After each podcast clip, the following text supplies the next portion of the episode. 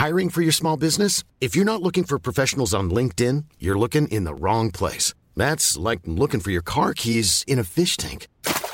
LinkedIn helps you hire professionals you can't find anywhere else, even those who aren't actively searching for a new job but might be open to the perfect role. In a given month, over 70% of LinkedIn users don't even visit other leading job sites. So start looking in the right place. With LinkedIn, you can hire professionals like a professional. Post your free job on linkedin.com slash people today.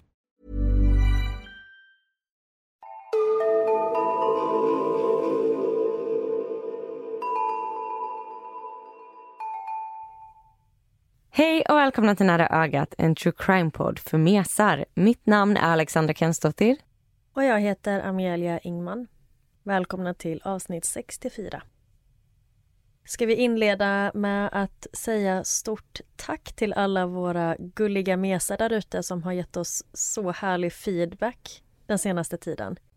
Ja, tusen tack. Det betyder verkligen mer än ni tror när ni skriver till oss.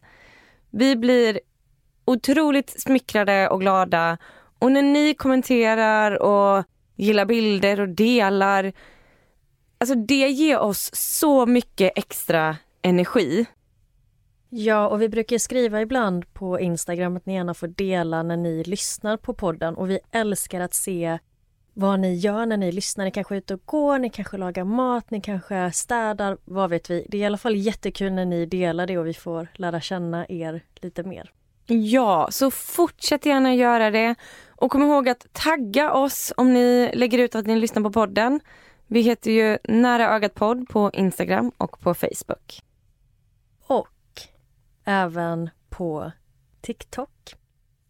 Ja, vi har precis skaffat TikTok.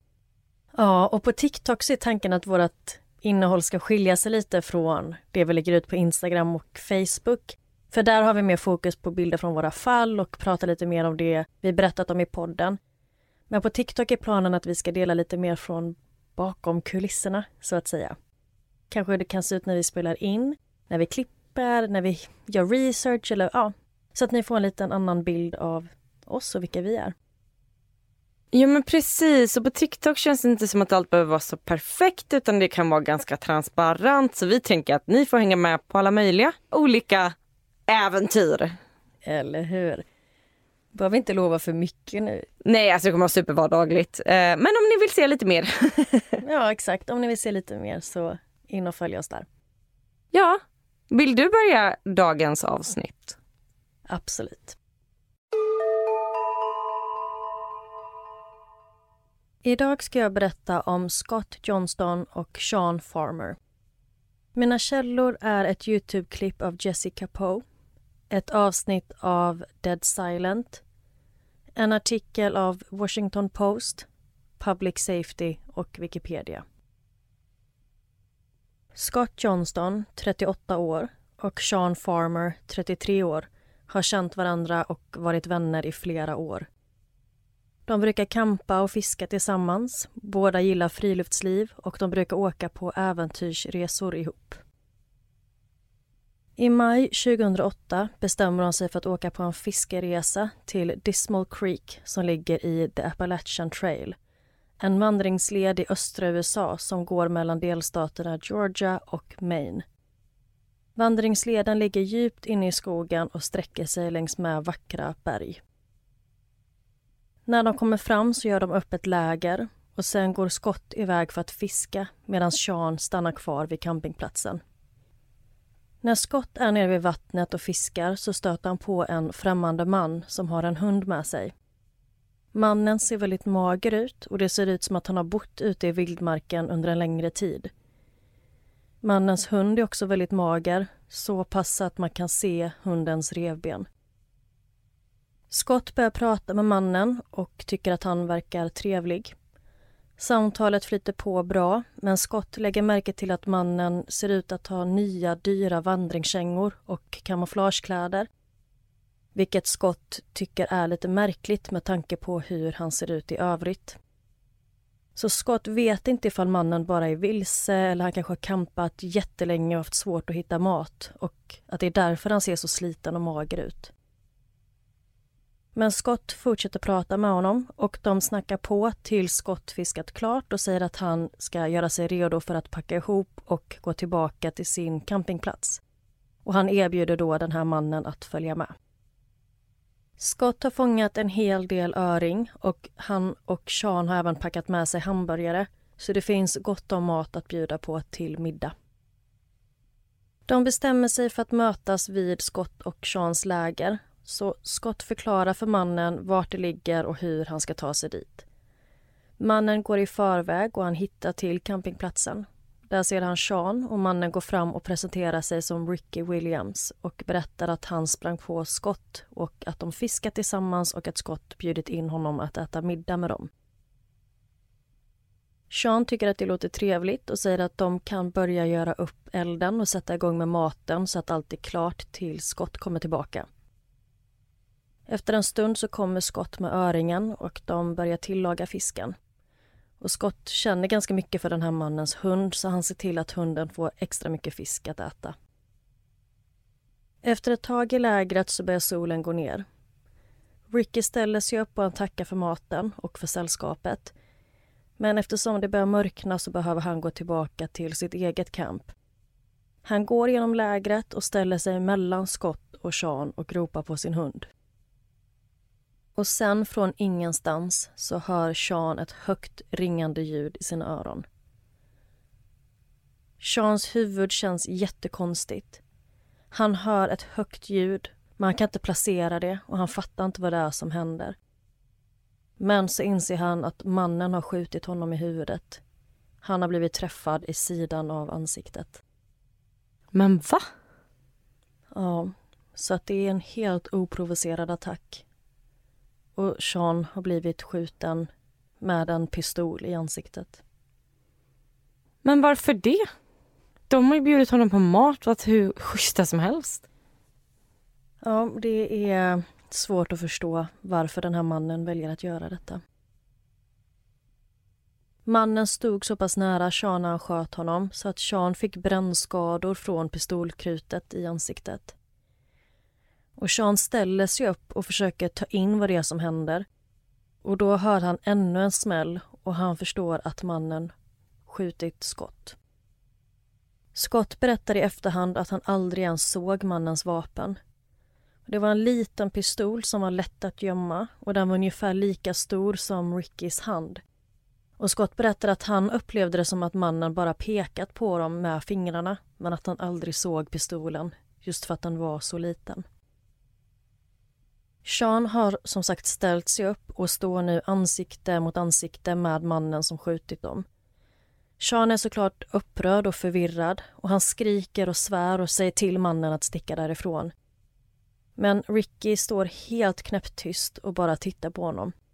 Och Sean blir nu rädd för att han kommer bli skjuten igen och att Ricky kommer döda dem båda två. Just för att han är så lugn och samlad trots situationen. Och Rickys lugn är väldigt skrämmande. Under tiden Sean och Ricky tittar på varandra så flyr Scott från platsen och springer in mot skogen. Han vet att det finns en plats där träden står väldigt tätt så han tänker att han kan gömma sig där och kanske överleva den här attacken. Men när Scott springer mot skogen så upplever han något konstigt. Han känner att varje gång hans hjärta slår så skvätter det ut blod. Och han inser först nu att han också har blivit skjuten. Han är i sån chock och adrenalinet har kickat in så han känner inte någon smärta. Och han har inte märkt att han har blivit skjuten i halsen. Varje gång det pumpas ut blod i såret så är det en ganska stor mängd som kommer ut. Och Scott vet att prio ett för att överleva är nu att stoppa blödningen. Så han tar sina fingrar och trycker in dem i skotthålet i halsen. Scott tar sig in i skogen och under tiden står Sean och mannen kvar i lägret. Sean skriker som sagt på Ricky att han ska lämna dem och Sean försöker framstå som så hotfull som möjligt. Men mannen skjuter honom en gång till. Denna gången i bröstet från cirka tre meters avstånd. Och Ricky har fortfarande inte sagt ett enda ord sedan attacken började. Det är så många gånger som vi har tagit upp fall där folk blir skjutna. Och jag blir alltid så fascinerad över att folk inte känner någon smärta. Man har så svårt att föreställa sig det. Bara du blir skjuten. Men att adrenalinet pumpar in så hårt att folk inte känner det. Att han liksom springer iväg och bara märker att blodet pumpar ur honom. Att det är då han fattar att han är skjuten. Det känns så otroligt. Ja, verkligen. Och även Sean som blivit skjuten i ansiktet, att han ens kan stå upp och fortfarande är kapabel att skrika och, mm. mot den här mannen. Ja, det är fascinerande. Sean blir som sagt skjuten i bröstet och han överlever även det här skottet. Och Sean bestämmer sig nu för att springa allt vad han kan mot sin bil. Vilket han gör. Och det gör även Ricky. Men Sean springer åt ett håll och Ricky springer runt bilen åt andra hållet. Så Sean lyckas ta sig fram först till förardörren och hoppar in i bilen. Och precis när han ska starta bilen så kommer mannen fram till förardörren och är precis utanför rutan. Så hade Sean inte hunnit fram när han faktiskt gjorde det, om han hade snubblat eller fumlat någon sekund på väg till bilen, så hade han förmodligen blivit skjuten en tredje gång. Men som tur är så lyckas Sean starta bilen och han börjar köra från platsen. Under tiden håller sig Scott gömd i skogen bakom träden och håller sin hand för skotthålet i halsen. Och han ser då Seans bil starta och lämna lägret. Scott fattar direkt att han måste lyckas stoppa bilen för han vill inte bli lämnad här. Han tänker att han måste göra något för att han kommer antingen dö av blodförlust eller så kommer mannen hitta honom och skjuta honom igen. Så han springer runt lägret och tar en genväg ut mot vägen där han tänker att Sean kan plocka upp honom. Och han gör allt i sin makt för att ta sig genom skogen ut till vägen så att de kan hjälpa varandra och fly tillsammans. Och Scott tänker att det här är hans enda chans. För det håller som sagt på att bli mörkt ute och när solen väl gått ner så är Scott inte säker på att han kommer kunna ta sig härifrån i mörkret. Vad Scott inte vet vid den här tidpunkten är att han även blivit skjuten i ryggen när han sprang från lägret mot skogen. Men eftersom hans kropp är i chock och han har så mycket adrenalin så har han inte märkt det. Så han vet inte om att han håller på att förblöda från såret i ryggen. Han tänker bara på skadan i halsen. Och han har haft sån himla tur för att blir man skjuten i ryggen så är risken stor att man blir förlamad. Men det här skottet har som tur inte träffat så illa. Tillbaka till Sean. Han sitter i bilen och kör därifrån. Och han väljer då att veva ner rutan till förardörren och hålla upp ena handen för att skydda sitt ansikte. Och anledningen till att han gör detta är för att han tänker att det är bättre att bli skjuten i handen än att bli träffad i huvudet igen, eller halsen. Plus att han inte vill få glassplitter i ansiktet om mannen skjuter sönder rutan. Mannen avfyrar flera skott mot Seans bil om och om igen. Men efter en stund så tystnar skotten. Sean vet inte ifall mannen har slut på ammunition eller om pistolen har hängt sig. Men nu skjuter i alla fall inte mannen mot honom mer. Så Sean trycker på gasen och kör så fort han bara kan därifrån. Han kommer ut på vägen och samtidigt så har skott sprungit genom skogen och lyckats ta sig fram till vägen han med. Sean kommer runt ett krön och ser Scott lite längre fram så han stannar bilen och plockar upp honom. Sean blir orolig för Scott när han ser hur han blöder från halsen och ryggen samtidigt som Scott oroar sig för Sean som blivit skjuten i ansiktet och i bröstet. De är väldigt bra vänner och bryr sig väldigt mycket om varandra så pass att de tänker mer på den andras säkerhet än sin egen. Eftersom Sean blivit skjuten i ansiktet så är hans ansikte nu extremt svullet och han kan knappt prata eller se något, vilket oroar Scott. Och i efterhand så säger männen att de var så tacksamma över att Sean ens kunde andas, trots hur svullen han var.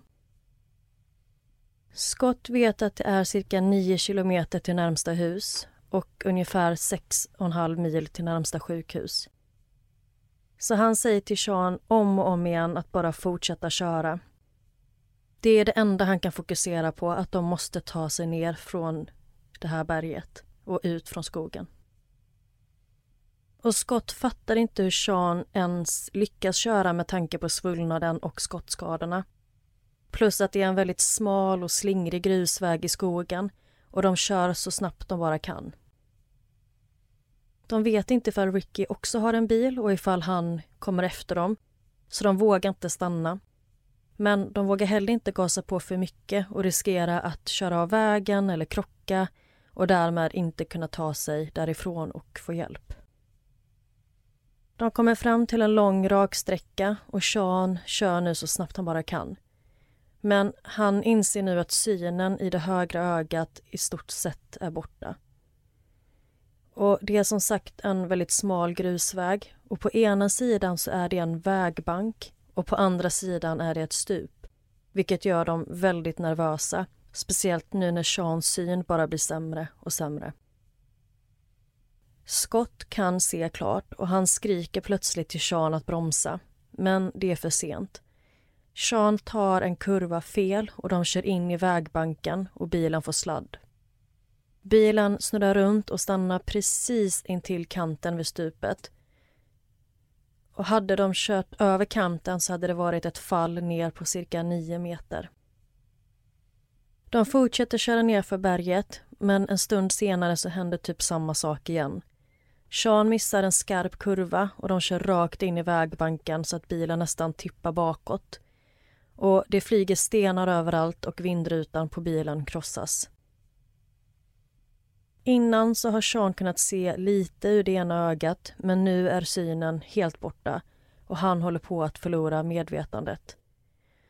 Så Scott, som har sin ena hand på såret i sin hals tar den andra handen på ratten och styr samtidigt som Sean sitter kvar i förarsätet och Scott säger åt honom när han ska gasa och bromsa och de fortsätter köra cirka 80 kilometer i timmen nerför den smala grusvägen som man kanske egentligen inte borde köra mer än 30 på.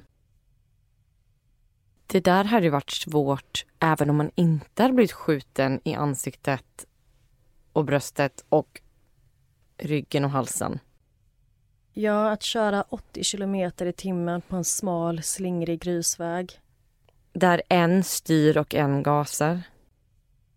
Att göra det vanligtvis hade ju varit jättesvårt. Och de får bara mer och mer Utmaningar. Utmaningar, precis. Och det här är väldigt farligt, men de har inget val. De vet som sagt inte om mannen är efter dem, båda är skadade och de blöder och det enda de kan fokusera på är att de måste ta sig ner från berget och hitta hjälp. Scott är jätteorolig för Sean och Sean är så svullen att han inte kan prata, han ser ingenting och Sean berättar i efterhand att han trodde att han skulle dö i bilen. Men de lyckas till slut ta sig ner från berget och de kommer fram till några hus. Scott ser cirka fem hus och han säger till Sean att bromsa. Så Sean stannar bilen mitt i vägen. Scott ser att det är bara ett av husen som har lamporna tända så han hoppas att de ska få hjälp där. Han springer fram till huset, bankar på dörren och ropar att de ska ringa 911. Som tur är så öppnar de som bor där dörren och kommer ut. Och det första de lägger märke till är allt blod. Både Scott och Sean är helt täckta av blod och personerna i hemmet förstår direkt att de här männen måste få hjälp och ringer 911. De förstår även att Scott inte vet om att han är skjuten i ryggen baserat på hur han beter sig. Så de försöker lugna ner honom och ber honom att sätta sig ner på verandan och försöka ta det lugnt. De får ut Sean ur bilen och lägger förband över båda männens sår för att försöka stoppa blödningarna. Scott berättar att han trodde vid det här laget att han förmodligen skulle överleva men att han inte var lika säker på att Sean skulle klara sig. Efter ett tag kommer två helikoptrar för att plocka upp Scott och Sean och ta dem till sjukhuset. Av de båda männen så är Scott den som minns mest från när helikoptrarna kom. Och han berättar att sjukvårdspersonalen började jobba på honom direkt på vägen till sjukhuset. Och han hör då en av de kvinnliga sjukvårdarna säga att Scott inte kommer klara sig. Vilket är väldigt okänsligt. Och jag vet inte om hon inte uppfattade att han var vid medvetandet. Men Scott hör i alla fall henne säga detta och han är nu övertygad om att han kommer dö i helikoptern. Och han börjar tappa känslan i kroppen.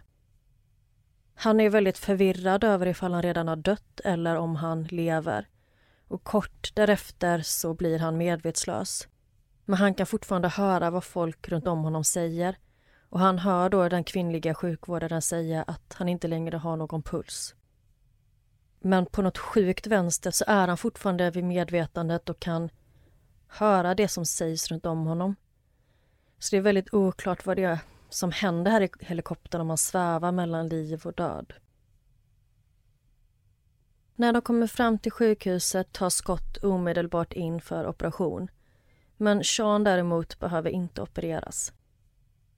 Och det här säger Scott i efterhand att han tyckte var ganska sjukt i och med att han var ganska säker på att Sean var värre skadad men det verkar som att det i själva verket var tvärtom. Att Scott hade mer livshotande skador. Läkaren säger att Sean haft en extrem tur som klarat sig och anledningen till att han har gjort det är för att Sean är en större man och han har ganska mycket massa på bröstet vilket gjorde att när han sköts i bröstet så skyddade massan från att kulan träffade några vitala organ. Och skottet i ansiktet hade främst eh, träffat näshålan och det utgjorde inte heller några livshotande skador. Sean behöver som sagt ingen operation men de behövde få ut kulorna ur kroppen. Vilket man kunde göra utan att behöva söva ner honom. Och vid fyra tiden nästa morgon är Sean redan på rehabiliteringsavdelningen. När Sean är på sjukhuset så kommer polis och utredare dit för att prata med honom och ta reda på vad det är som har hänt. Polisen berättar att de har omhändertagit en man som kört en stulen pickup. Och när polisen var på väg upp för berget mot Sean och Scotts campingplats så mötte de gärningsmannen som kom körande i den stulna bilen och han fattade direkt att han skulle åka fast. Så Ricky körde då i full fart rakt in i vägbanken för att försöka tippa bilen bakåt och på så sätt ta sitt liv. För han ville inte hamna i fängelse. Men han överlever och togs faktiskt till samma sjukhus som Scott och Sean var på. Scott genomgick flera operationer under flera dagar och när han är inlagd på sjukhuset så får han besök av sin familj. De har med sig en tidning och på framsidan står det The AT Killer Strikes Again. AT står för Appalachian Trail, området där de campade. Och Scott och Sean förstår nu att de blev attackerade av en tidigare dömd mördare. Det är så konstigt han är bara ute och mördar folk. Eller liksom vad är syftet? Vad är motivet? Det är inte så att han gör det för att han ska sno saker av dem utan han bara... Ja, jag önskar att jag hade en förklaring kring varför den här mannen valde att attackera Sean och Scott men det finns tyvärr ingen. Är det bara för... Varför? Nej, jag vet inte. Mannen bakom attacken heter Randall Lee Smith och inte Ricky Williams som han presenterat sig som. Och nu vill jag varna för otäcka detaljer kring hans tidigare brott. 1981 dödade Randall två personer som vandrade längs med The Appalachian Trail och han dömdes till 30 års fängelse för de två morden. Men han avtjänade bara 15 år av straffet. Han fick villkorlig frigivning 1996 och flyttade då till ett område i närheten av där han begått de båda morden. och även i närheten av där attacken mot Scott och Sean ägt rum. Polisen söker igenom Randalls hem efter attacken och hittar då sex olika par glasögon, massvis med kvinnounderkläder, 20 knivar, en yxa och flera saker som kan kopplas till satanistiska sektritualer. Så polisen vet inte om han ligger bakom fler mord än de två som han redan är dömd för. Vandringsleden, The Appalachian Trail, ligger i en väldigt tät skog och det är svårt att söka igenom området. Så det är inte omöjligt för folk att försvinna eller gå vilse där vilket också gör det till en bra plats för Randall att hitta nya offer eller kanske dumpa kroppar. Fyra dagar efter gripandet så dör Randall Lee Smith i fängelset av naturliga skäl. Och innan gripandet så hade Randall varit anmäld försvunnen i cirka sex veckor.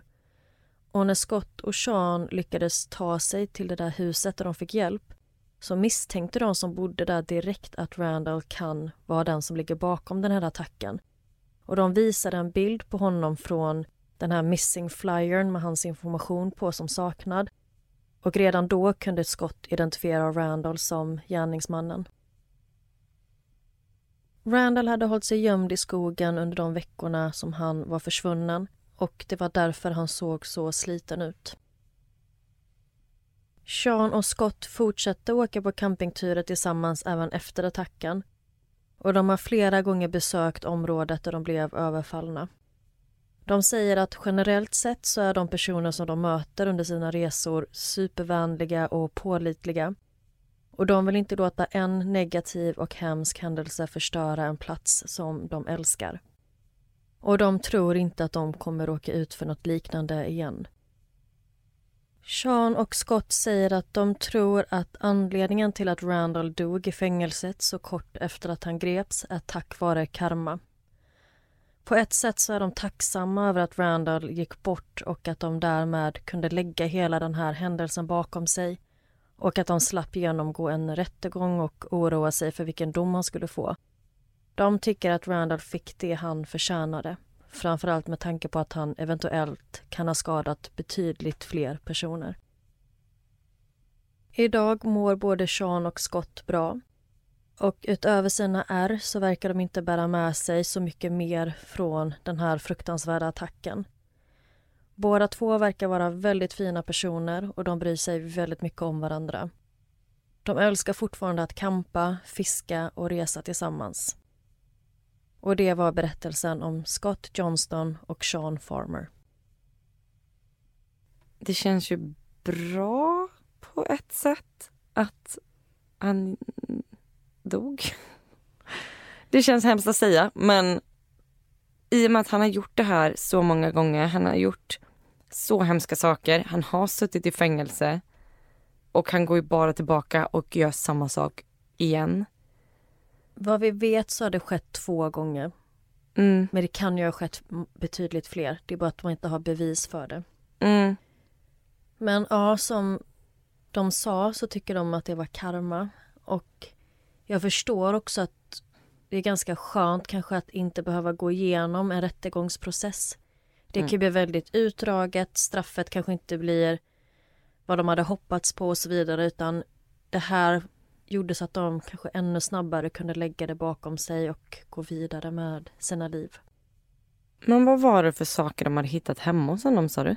Det var trosor? Ja, det var flera olika par glasögon som inte tillhörde Randall.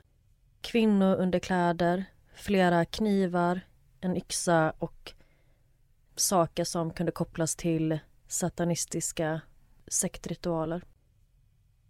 Så det i sig var inte bevis nog för att styrka något annat brott eller något annat mord. Men det antydde att han kanske hade gjort något mer som man kanske inte åkt fast för. Alltså jag blir alltid lite så skeptisk när någon säger satanistiska sektritualer. Alltså just för att det kan ju vara konstiga grejer som egentligen inte har någonting med satanistiska sekter att göra. Bara så att han är lite knäpp.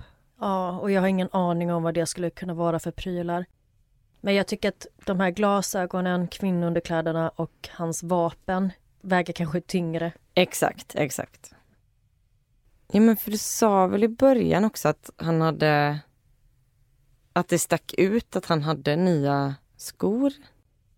Ja, Scott reagerade på att han både hade nya skor som såg väldigt dyra ut och att han hade nya kamouflagekläder. Så det skulle ju också kunna vara kläder som han har tagit från ett eventuellt offer. Ja, alltså med tanke på att han attackerade dem så oprovocerat. Och att det enda de har gjort var att erbjuda honom mat och hjälp och lite sällskap. Så blir man så här, vad hade han då kunnat göra mot andra som kanske inte var lika tillmötesgående som Scott och Sean? Ja, men precis. Och de beskriver som att de hade haft en trevlig kväll, en trevlig pratstund och det var liksom helt oprovocerat. Och med tanke på att den här gärningsmannen kom ut ur fängelset 1996 och den här attacken skedde 2008 så tycker jag också att det känns kanske inte helt osannolikt att något annat har skett under den tidsperioden. Alltså varför skulle han ha gått från 1996 och inte gjort någonting och så 2008 så sker det här helt oprovocerat. Och sen också, alltså nu vet man inte vad han har gjort och alla de här kvinnounderkläderna och alla de här glasögonen. Men så här, att han själv går på skott och Sean som uppenbarligen är liksom stora män. Ja, framförallt Sean och den här gärningsmannen är ju mycket äldre än vad de är. Ja, men då tänker man vad hade han gjort om man möter någon som är mindre än de här snubbarna? Ja, visst. Jag tycker det är så obehagligt när det är så oprovocerade attacker. Ja, jag håller med. Man blir så frustrerad när man inte får någon ordentlig förklaring eller något motiv kring vad som ligger bakom. Mm. Och tyvärr så är det inte helt ovanligt i de här fallen vi tar upp. Sluta, nu är det något jätteobehagligt utanför fönstret här. Sluta alltså. Nej men gud, jag blir så jävla rädd. Det ser ut som, alltså det är en skugga av en person mot eh, gardinen här. Vågar du öppna? Nej. Nej, jag är jätterädd. Vänta, jag ska kolla. Jag är jätterädd. Åh gud. Panik. Är det någon där? Nej, jag ser inte ut. Det är helt mörkt. Men gud, jag blir jätterädd. Ska vi gå ut där? Ah, nej, nej, nej. Jag frågar om vi ska gå ut där. Gud, jag blir så jävla rädd när jag pratar om det där. Uh, Okej. Okay. um, det var allt jag hade för mitt fall idag. Sluta nu för fan. Nej men det, jag tror inte att det var... Är det du? Ah! Nej men gud sluta! Nej vänta jag måste gå ut härifrån. Det är, det är du! Okay. Det är din jävla skugga!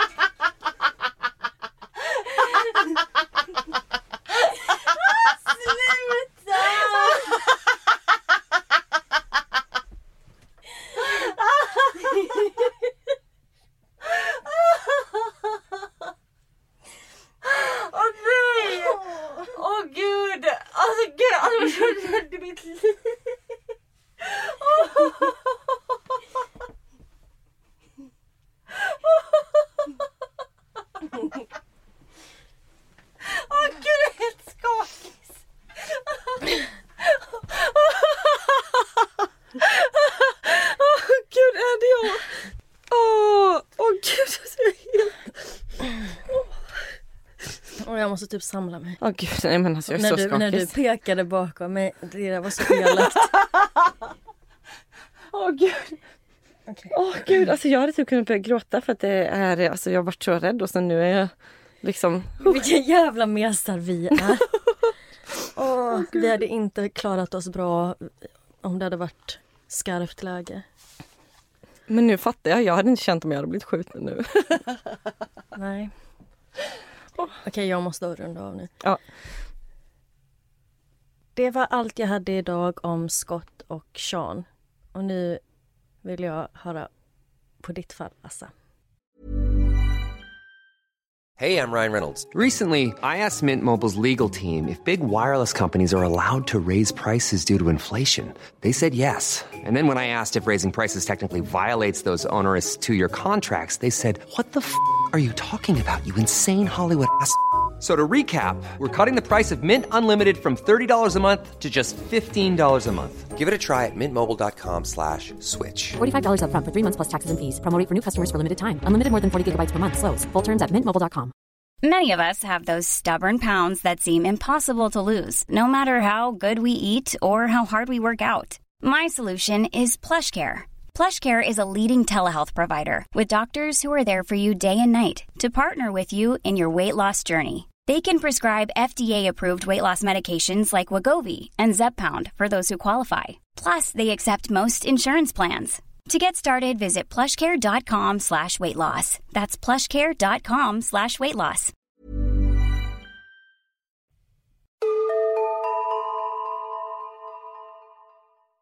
Okej.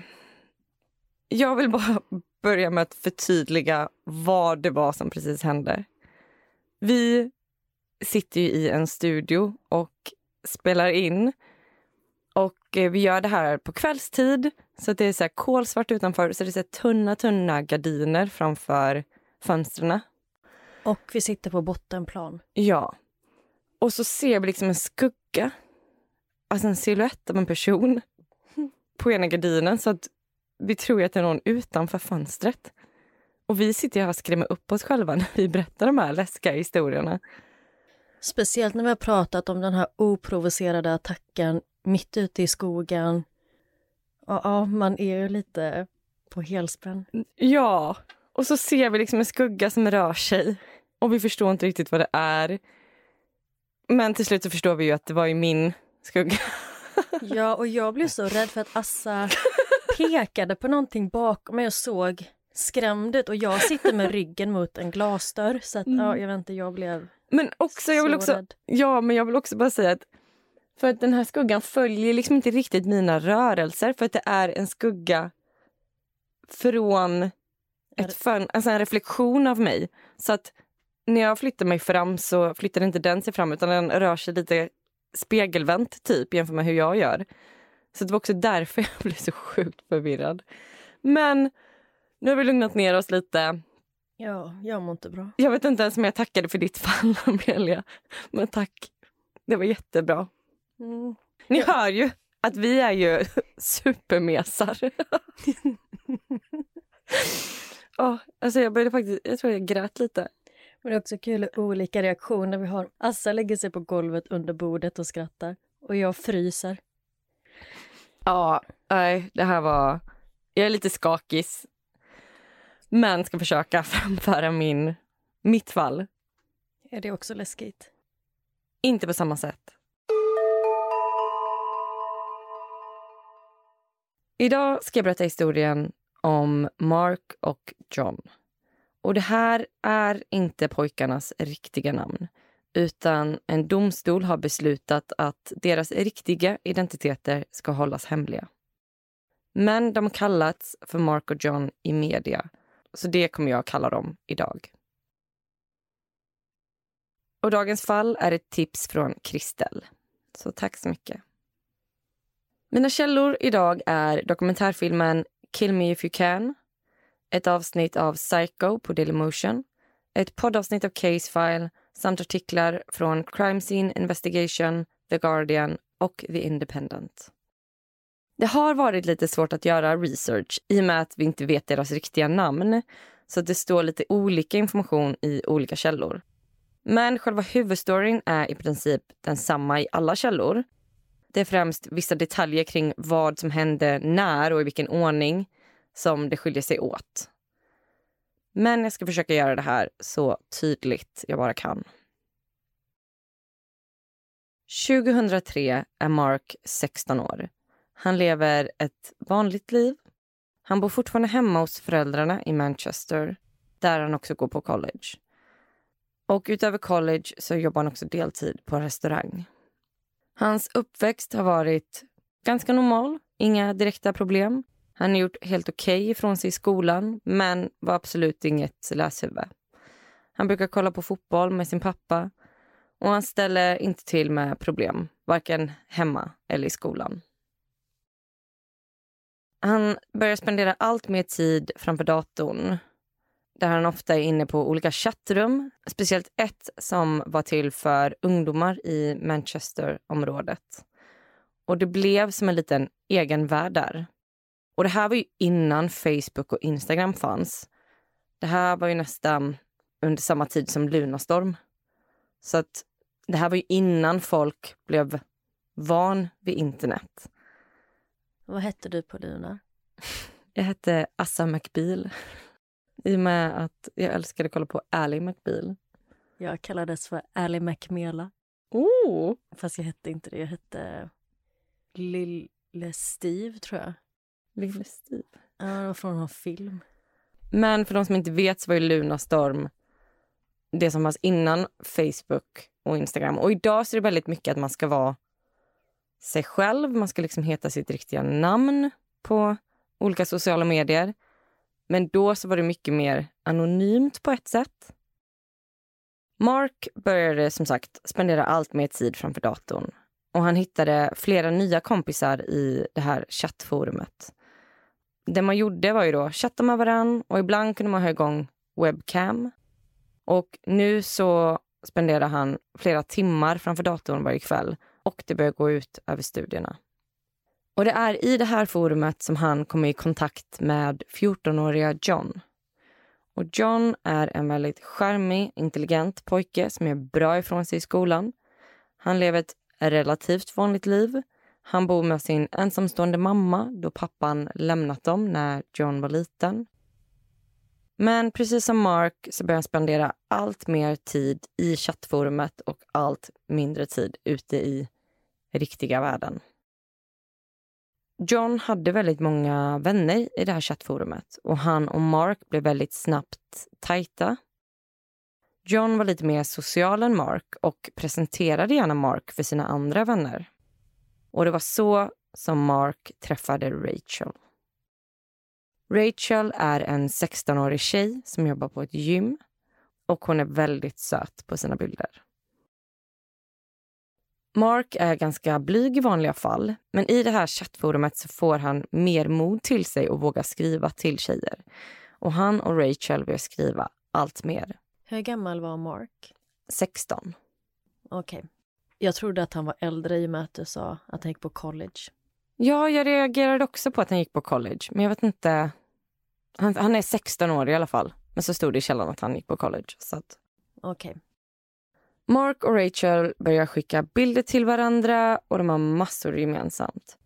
De har kontakt varje dag och det dröjer inte länge innan de kallar varandra för pojkvän och flickvän. Mark är nu otroligt lycklig. Han har en tjej som är fantastisk och de har kontakt hela dagarna och deras förhållande blir bara starkare för varje dag. Även om de fortfarande inte har träffats på riktigt än. Ungefär tre månader senare så händer något fruktansvärt. De börjar chatta med ytterligare en kille, Kevin. Och Kevin han utmärker sig genom att han alltid bara skriver med rosa text i det här chattforumet. Kevin beskriver sig som gay, men han blir också besatt av Mark och Rachel. Och en dag så får Mark ett mejl och det är från Kevin. Kevin skriver då att han har stakat Rachel och att han har kidnappat henne. Och han hotar nu med att han ska våldta och mörda henne. Mark blir otroligt orolig för sin flickvän och gör nu vad som helst för att hon ska bli fri. Kevin skriver att om Mark kontaktar polisen så kommer han döda Rachel.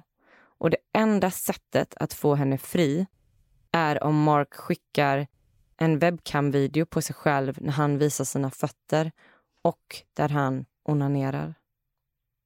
Nej. Det här låter som ett avsnitt av Black Mirror. Mm. Och Mark har inget val. För han älskar ju Rachel, så han vågar inte kontakta polisen. Så det slutar med att han skickar videon. Kevin skriver att han släppt Rachel som lovat. Och Mark och Rachel börjar skriva igen och de bestämmer sig för att träffas några dagar senare. Men Rachel dyker aldrig upp och sen slutar hon att svara på hans meddelanden. Och Mark får då reda på att Kevin aldrig släppte Rachel utan att det var han som skrev från Rachels användare. Och han skrev också att han faktiskt våldtog och mördade henne trots allt. Och efter det så försvinner Kevin också från chattrummet. Mark vågar aldrig kontakta polisen.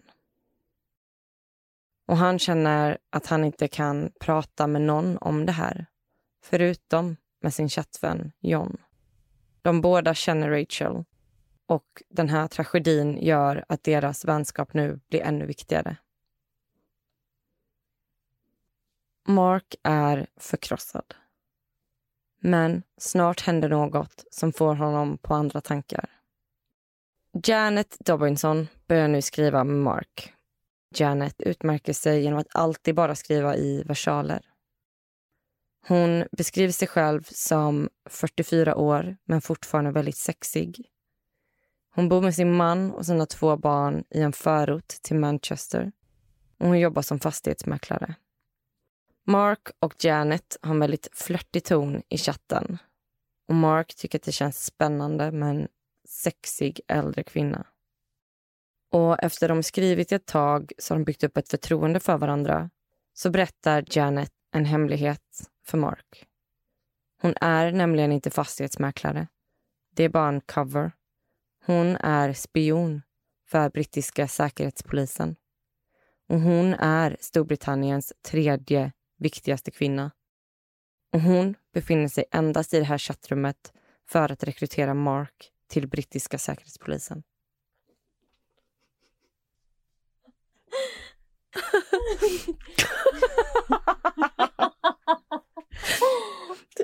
Det här blir bara knepigare och knepigare. Och jag hoppas inte att Mark går på detta. Gå på vad? ja, men jag fattar, han är bara 16 år. Säkert jättenaiv och dras med i det här spännande samtalet. Mm. Janet påbörjar övertalningen. Mark måste bli spion. Han är perfekt för jobbet. Hon erbjuder honom inte bara status och pengar utan också sexuella tjänster. Allt för att han ska nappa och tacka ja. Janet bevisar att hon är spion genom att veta allt om honom. Hon vet när han har klippt sig, vart han brukar vara, vad hans föräldrar heter. Och hon berättar att det finns otroligt många spioner runt honom och att flera av hans lärare på skolan är spioner. Busschaufförer är spioner. Men Mark kommer bli deras viktigaste spion. Mark vill som sagt bara glömma allt med Rachel och tycker att detta låter spännande, så han tackar ja. Han blir tvungen att svära en ed till Janet och den brittiska säkerhetspolisen. Och de börjar planera för hans spionträning. Mark får namnet Agent 47695 och Janet berättar att Mark inom kort kommer behöva åka till London för att träffa väldigt viktiga personer. Bland annat högsta hönset för brittiska säkerhetspolisen men även premiärministern Tony Blair och till och med drottningen. Mark blir genast nervös, men Janet lugnar honom och säger att han kommer få en 15 minuters genomgång innan han träffar drottningen så han vet hur han ska bete sig. Men innan spionträningen börjar så måste han bevisa att han har vad som krävs. Och det ska han bevisa genom att vara livvakt till James Bell. James Bell är en av Storbritanniens viktigaste personer och han bor bara några mil från Mark. James Bell är värd 568 miljarder pund för nationen men det är väldigt få personer som vet om det. James är nämligen den enda personen som kan ta sig till en skatt som finns gömd i havet. Och därför måste han skyddas till varje pris. Alltså det här låter ju som en saga. Mm. Alltså jag känner så mycket för Mark. Mm. Det sjukaste av allt, det visar sig att James Bell, som är värd 568 miljoner pund, det är Marks chattkompis John, det vill säga 14-åriga John, som presenterade Mark för Rachel. Så nu kommer jag bara säga John framöver så att det inte blir förvirrande. Janet beordrar Mark att hämta John under skoltid. Och han ska hävda att John har en tandläkartid. Och sen ska han skydda honom hela dagen och se till så att inget konstigt händer. Mark åker till Johns skola. Och väl där så lyckas han övertyga skolan om att John har en tandläkartid och att Mark är där för att hämta honom. En fråga. Mm. Har de träffats förr? Nej, inte på riktigt. Så det här är första gången de träffas IRL. Mark och John umgås hela dagen och Mark har ju då koll så att inget konstigt händer runt John. Genom att göra detta uppdrag så kommer Mark få 300 000 pund på sitt konto som han kan få ut efter spionutbildningen. Mark och Janet har daglig kontakt. Och Janet har nu bytt cover story. Hon är inte längre fastighetsmäklare utan nu är hon undercover som flygvärdinna och reser hela världen över. Och det dröjer inte länge innan hon får nya order av premiärministern som Mark nu måste följa. Någon är John på spåren och de måste förvirra den här personen. De måste nu få alla att tro att John är homosexuell. Och de måste vara väldigt övertygande. Så Janet beordrar nu Mark att utföra oralsex på John. Mark är väldigt tveksam till detta. Han är inte gay och han vill ju inte utföra oralsex på sin kompis John. Men det här är för rikets säkerhet och han vill ju så gärna bli spion. Så han gör det. Men sluta. Så för rikets säkerhet så måste en 14-årig kille få oralsex? Mm. För att lura folk att han är gay. Alltså det här, alltså. Vad är detta för fall? Mark har nu klarat sina uppdrag utomordentligt och det är snart dags för honom att genomgå spionträning. Men han får ett sista uppdrag. Och innan helgen är slut så kan han vara redo för en karriär som spion och även då få 18 miljoner pund. Men det verkar som att det inte är det som lockar mest utan han ser mest fram emot att få träffa Janet och ha sex med henne. Hans sista uppdrag är att döda John. Janet har planerat allt. Mark ska köpa en kökskniv, ta med John till en gränd och knivhugga honom i närheten av Trafford Center, ett shoppingcenter i närheten av Manchester. Janet kommer sen komma dit och se till att ingen arresterar honom. Och om någon säger 6969 ska han genast avbryta uppdraget. Jag har hela tiden varit säker på att det är John som ligger bakom alla de här karaktärerna på forumet som eh, Mark har pratat med. Mm. Men nu har han beordrat ett mord på sig själv. Vi får se. Så 29 juni 2003 är det dags. Mark och John åker till Trafford Center. Mark köper en kökskniv i en butik men säger till John att han köper den till sin mamma. Mark drar ut på det och de umgås i flera timmar. Sen går de in i en gömd gränd där det inte finns några CCTV-kameror som Janet varnat om. Och där så knivhugger han John två gånger. En gång i magen och en gång i bröstet.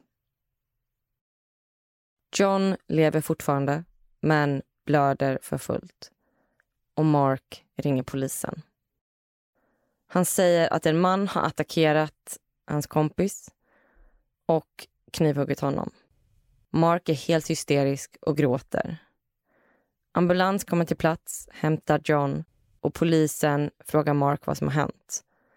Mark berättar då att en man i 20-årsåldern i jeans och svart duvtröja och grön baseballkeps kommit fram och knivhuggit John. Så polis går direkt ut med det här signalementet och börjar leta. Mark förstår ingenting. Han frågar polisen om Janet kommer snart. Men polisen förstår inte alls vad han pratar om. Vem är Janet? När polisen inleder utredningen börjar de kolla på CCTV-kamerorna. De kan inte se vad som hände i gränden. Men de ser vilka som går in och vilka som går ut ur gränden. De ser när Mark och John går in. Men det är ingen annan som går in. Utan de måste varit själva på platsen. Så polis börjar nu misstänka att Mark har knivhuggit sin kompis och försöker då förstå vad motivet är. De tar in Mark på förhör. Och Mark bryter snart ihop och han berättar hela historien. Det var han som knivhögg Mark, men endast för att han jobbar för brittiska säkerhetspolisen. De kan kolla upp det. Han är agent 47695 och de kan också kontakta Janet Doberson som kan bekräfta allt. Polis börjar nu undersöka Marks dator. Och men Mark hade fått i uppdrag av Janet att rensa sin dator på chattarna innan uppdraget. Men trots det lyckas polisen ändå få ihop över 56 000 rader av text. Och nu så börjar de sakta men säkert pussla ihop vad det är som hänt. Polisen misstänker att det är en nätpedofil som utgett sig för att vara Janet. Men ju mer de läser och undersöker, ju större verkar bedrägeriet vara. De ser att exflickvännen Rachel, Kevin och spionen Janet Dobberson alla är fejkprofiler. De analyserar hur de skriver och de ser att samtliga profiler stavar fel på samma ord om och om igen. De skriver maybe, M-Y-B-Y-E istället för M-A-Y-B-E. Och till slut så ser de en till profil som också gör det. Nämligen John. 14-åriga John är nu huvudmisstänkt. Han är utskriven från sjukhuset men är fortfarande under läkningsprocessen. Han tas in till förhör där han erkänner allt. Det är John som är bakom alla karaktärerna. Rachel, Kevin och Janet. Och när polisen undersöker hans dator så kan de se att John har skapat 193 olika profiler och konton. Och Många av de här är helt påhittade men han har också skapat profiler åt personer som finns på riktigt och utgett sig för att vara dem. Och polisen inser nu att han ville ta livet av sig själv genom att få Mark att göra det.